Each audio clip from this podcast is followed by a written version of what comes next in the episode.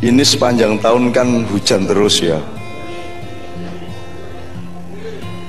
Jadi ada yang disebut udan salah mongso kata orang Jawa. Nanti kita cari sing salah iki udane apa mongsone. Itu juga harus kita teruskan ojo mengarani udan salah menempatkan diri. Karena hujan itu tidak pernah salah alam tidak pernah salah binatang tidak pernah salah pasti yang salah adalah manusia. Dan kalau yang disebut kesalahan itu yang membuat Allah tidak berarti Allah salah tapi dia sedang memberi cermin kepada manusia apa kira-kira kesalahannya sehingga Allah merubah alam sesuai dengan perubahan manusia. Jadi nek ono udan salah mongso ketoke menungsone jan salah pikirane salah atine barang nggih jadi akhirnya kisruh ra karu-karuan. Sarwa salah ngene salah ngono salah. Ngene nesu ngono nesu nggih ora karu-karuan. Jadi ternyata ada sesuatu yang tidak pada tempatnya. Ada sesuatu yang turun tidak pada waktunya dan seterusnya ya. Jadi kesimpulannya kita lihat satu persatu. Berarti ada yang tidak seimbang ada yang tidak berdiri tegak. Ya. Jadi kata iki sing arep demo ya rada miring sing polisine ana miringnya sithik. Jadi kedua-duanya ini presidennya ya miring banget. Pokoknya ada ada posisi tidak tegak pertama pada pikiran manusia ada ketidakseimbangan berpikir dan ada ketidakadilan di dalam kalbunya. Ada yang memperjuangkan kebenaran dengan kebencian. Ada yang dipersatukan tidak oleh iman atau cinta tapi bersatu, tapi dipersatukan oleh kebencian kepada seseorang dan seterusnya dan seterusnya. Pokoknya ada yang harus kita bereskan dari kehidupan manusia ada yang harus kita tepatkan kembali kita bikin simetris lagi kepada Allah ini. Kayaknya kita ini agak miring-miring nih sama Allah. Allah itu maksudnya nilai-nilai dasarnya Allah. Ini panggung didirikan karena dia bisa berdiri karena dia taat kepada Allah. Bisa memahami? Iki nek cagai miring sidi ambro. Karena ada hukum gravitasi. Hukum gravitasi milik siapa yang bikin siapa? Dan itu tidak bisa kita langgar. Kalau kita melanggar hukum Allah kita pasti akan hancur. Listrik ini bisa menyala karena taat kepada mekanisme pengelolaan arus positif dan negatif sehingga bisa menjadi cahaya. Di Indonesia positif negatif konslet terus. Betul enggak gimana? Positif karo positif konslet apa meneh negatif karo negatif? Ireng karo putih perang terus. Padahal jane ireng kira ono. Coba anda yang orang desain coba belajar adakah warna hitam di dalam ilmu warna? Tidak ada warna hitam. Perpaduan semua warna adalah putih. Hitam itu tidak ada. Hitam itu bukan warna. Hitam adalah ketika putih dan semua cahaya pecahannya tidak bertemu dengan cahaya itulah hitam tidak ada kebencian sebenarnya di Indonesia. Yang ada adalah cinta yang disakiti. Betul enggak? Tidak ada, benci itu tidak ada. Yang ada adalah cinta yang sakit hati. Nah sekarang kita cari siapa yang menyakiti ini. Nah kalau ngomongnya itu rohania, cinta tiangnya. Tapi kalau kita ngomong ilmu, tiangnya adalah keadilan. Kalau ada ketidakseimbangan dalam kehidupan berarti ada yang tidak adil. Ada yang menyikapi yang lain secara tidak adil ada yang didolimi dan ada yang mendolimi. Maka hari ini kita dikasih tiang di depan panggung. Ya. Dikasih tiang. Untuk apa? untuk ingat bahwa kita harus jelas ini tiang panjang utama hidupnya manusia itu apa?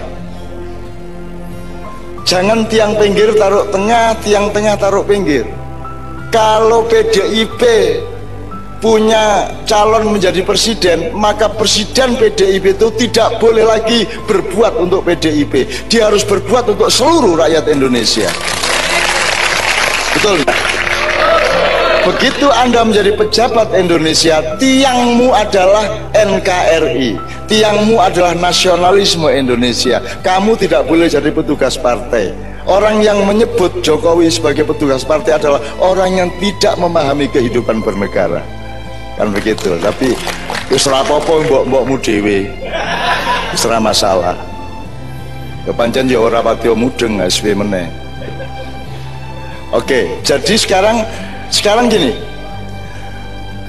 Golkar itu kalau PDIP hancur, Golkar seneng apa sedih? PDIP itu kalau Gerindra hancur seneng apa sedih?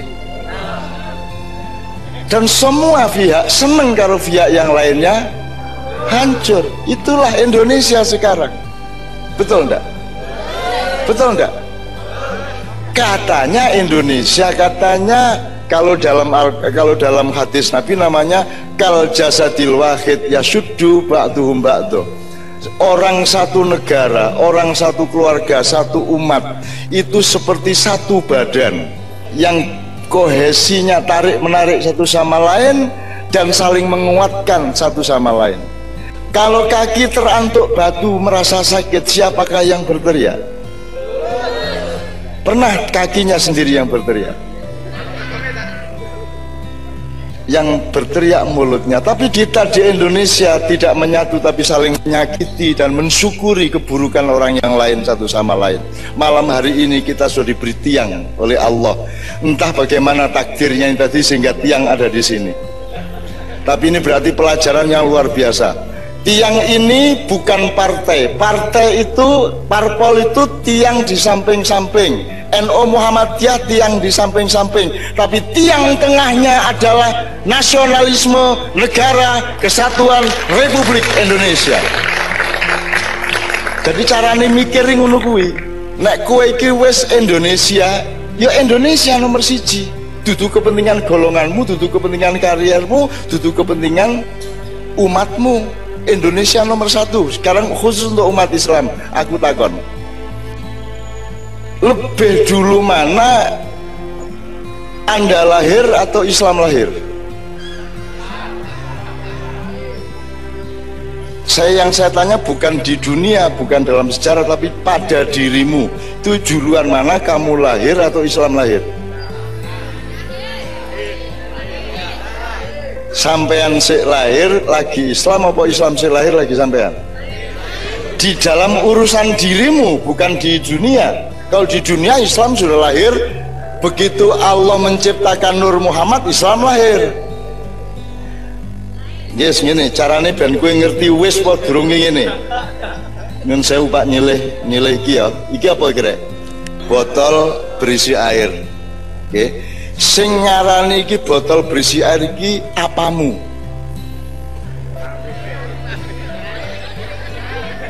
Eh?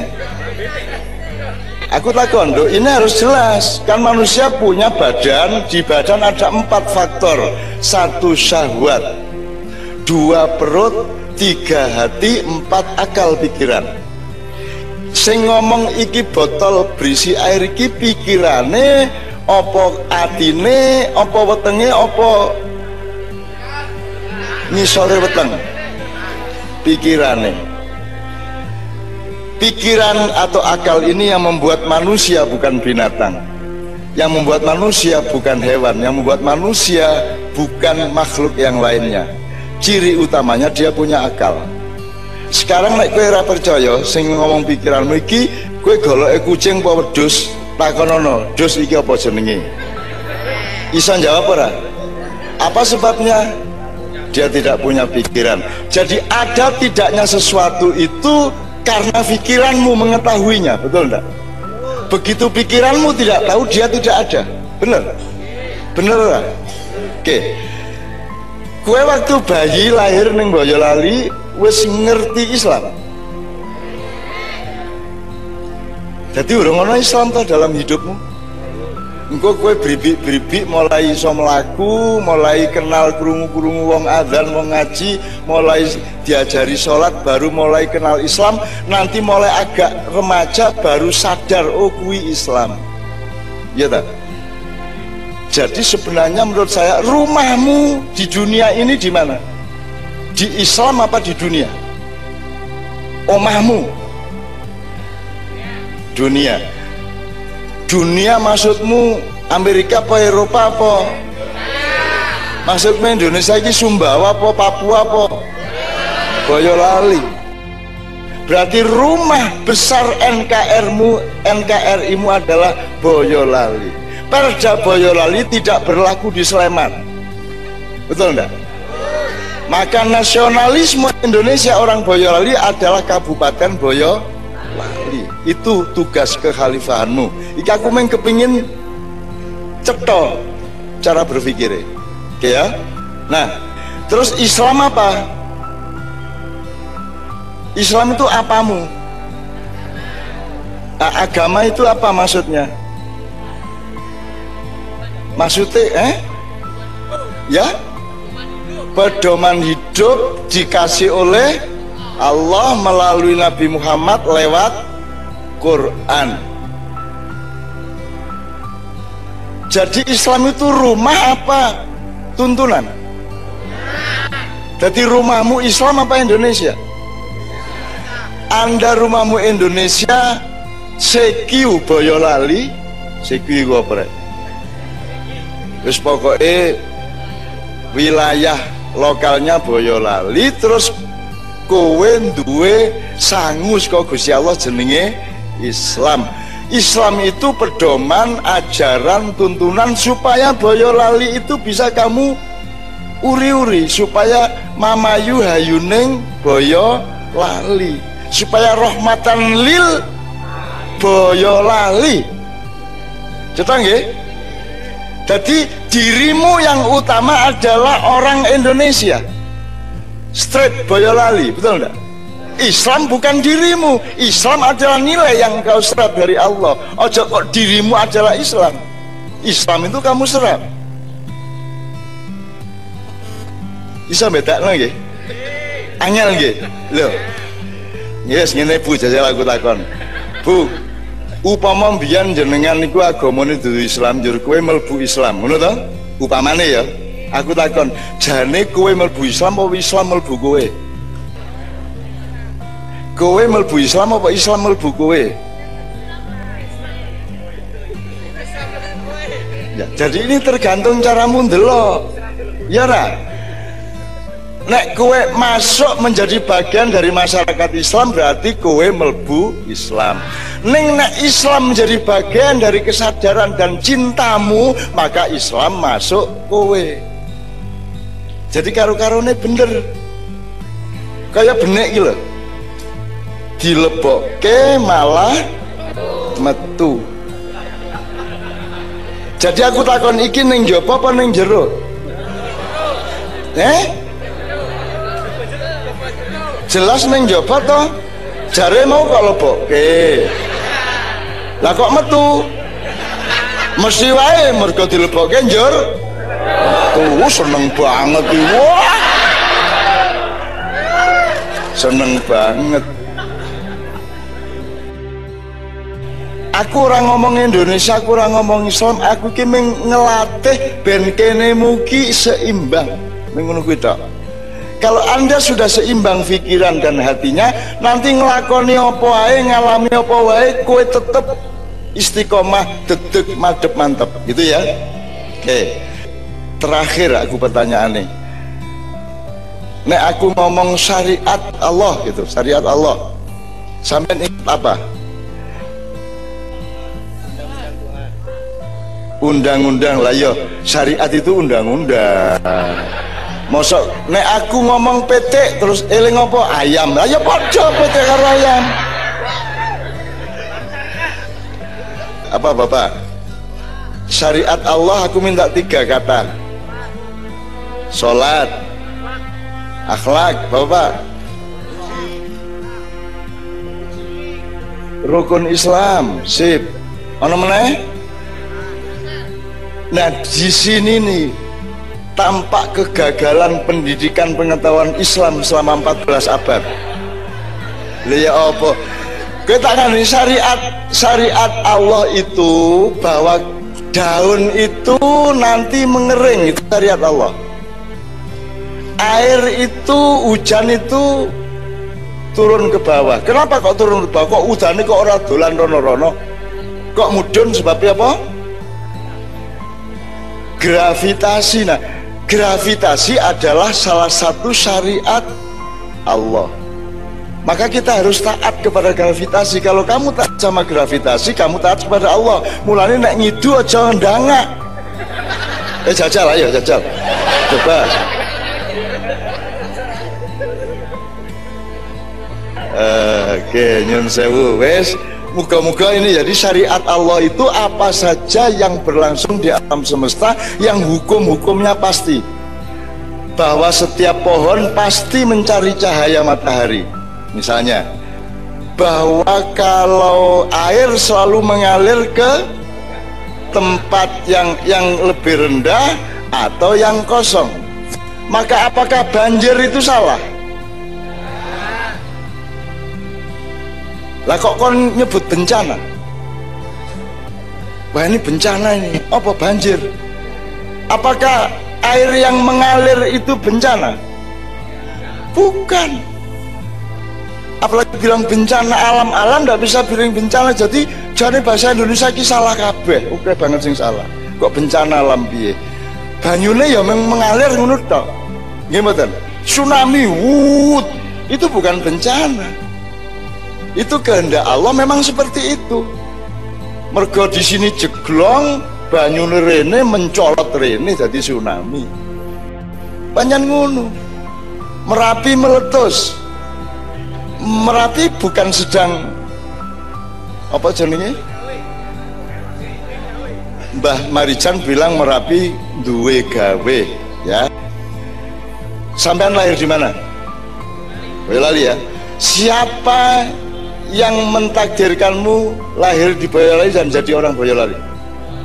Itu hukumnya apa? Boleh kamu tolak enggak? Bisa kamu tolak enggak? gue lahir cenger ah mau aku neng lali ngono gue nah jadi syariat Allah itu seluruh alam semesta seluruh diri kita kemudian bagian dari syariat Allah itu namanya syariat Islam mahdoh rukun Islam rukun iman. Harap diketahui Rasulullah sampai umur 53 belum pernah sholat. Karena sholat itu diwajibkan oleh Allah diperintahkan pada waktu Isra Mi'raj. Ketika itu beliau umur 53 nggih Pak ya umur saya ketelu nggih. Nggih. Jadi saiki sing kowe umur selawe berarti saya ketelu kurangnya selawe piro walu likur ngenteni nganti umur saya ketelu mau kowe ya oke ya oke jadi tolong mana yang syariat Allah itu wajib. Ayam dijadikan ayam oleh Allah dan dia tidak boleh menjadi burung. Betul enggak? Kowe jadi kowe, trimon ikhlaso nikmatono, rasa pengen jadi sopo-sopo. Kowe ya kowe, kui Allah yang berkehendak. Selama kowe taat sama Allah, Allah akan bertanggung jawab memberimu rizki dan kenikmatan. Ngono ya. Oke. Terakhir, Berarti Anda orang Boyolali adalah syariat Allah, hukumnya wajib. Berarti Anda orang NKRI itu syariat Allah, Anda tidak bisa menolak karena hukumnya wajib. Maka nasionalisme Indonesia hukumnya wajib. SPW. Bener lagi mau? Oke, jadi sekarang kita mau ngomong 4 November, 2 Desember, mau ngomong apa saja, tetap rumahmu adalah NKRI. Dan Anda harus menjaga ketenangan NKRI, menjaga ketenangan Boyolali, kerukunan Boyolali. Salah satu metode supaya rukun dan tentram adalah tepo. Itu salah satu cara saja. Sekarang gini, gue arep pegatan ya arep pegatan ngerasa ngetagi bojomu. Upamane ngono ya. Jadi misalnya kembalikan UUD 45 ke aslinya. Ini kan sudah diamandemen mulai tahun 2002 dan sekarang ini ada 171 undang-undang yang bertentangan dengan UUD 45 dan kita berada di dalam masa yang akan sangat berbahaya di masa yang akan datang kalau kita tidak menegakkan lagi tiang pancang NKRI kedaulatan kita jamin dan tidak boleh ada siapa pun yang mengganggu kedaulatan termasuk orang-orang dari luar yang secara liar masuk ke Indonesia bekerja di sini sementara bocah-bocah dewe bar di PHK burung untuk penggawean meneh betul enggak? Wong kowe kangelan golek penggawean kok malah blang blang blang blang ini itu juga masalah. Saya tidak mempersoalkan tidak mengajak anda mempersoalkan itu. Saya cuma berpesan salah satu tepos lironya adalah supaya pemerintah Boyolali dengan rakyat tetap kompak maka tolong diricek semua keadaan rakyat di Boyolali. Pastikan tanahmu adalah tanah orang Boyolali. Pastikan bahwa kedaulatanmu adalah kedaulatan Boyolali. Pastikan kerjanya teman-teman semua di Boyolali terjamin satu sama lain. Kalau ada kesenjangan cepat diisi supaya tidak terlalu tidak seimbang dan seterusnya dan seterusnya. Mungkin saja memang harus ada pemerintahan baru tapi saya tidak mengatakan bahwa saya akan bikin pemerintahan baru. Ya Mungkin saja memang harus ada yang didandanin di Indonesia ini. Harus ada tiang yang ditegakkan kembali. Tidak boleh ada bendera RRC berdiri di Halmahera, di Ternate, di mana pun. Merah putih yang akan kita terus tegakkan.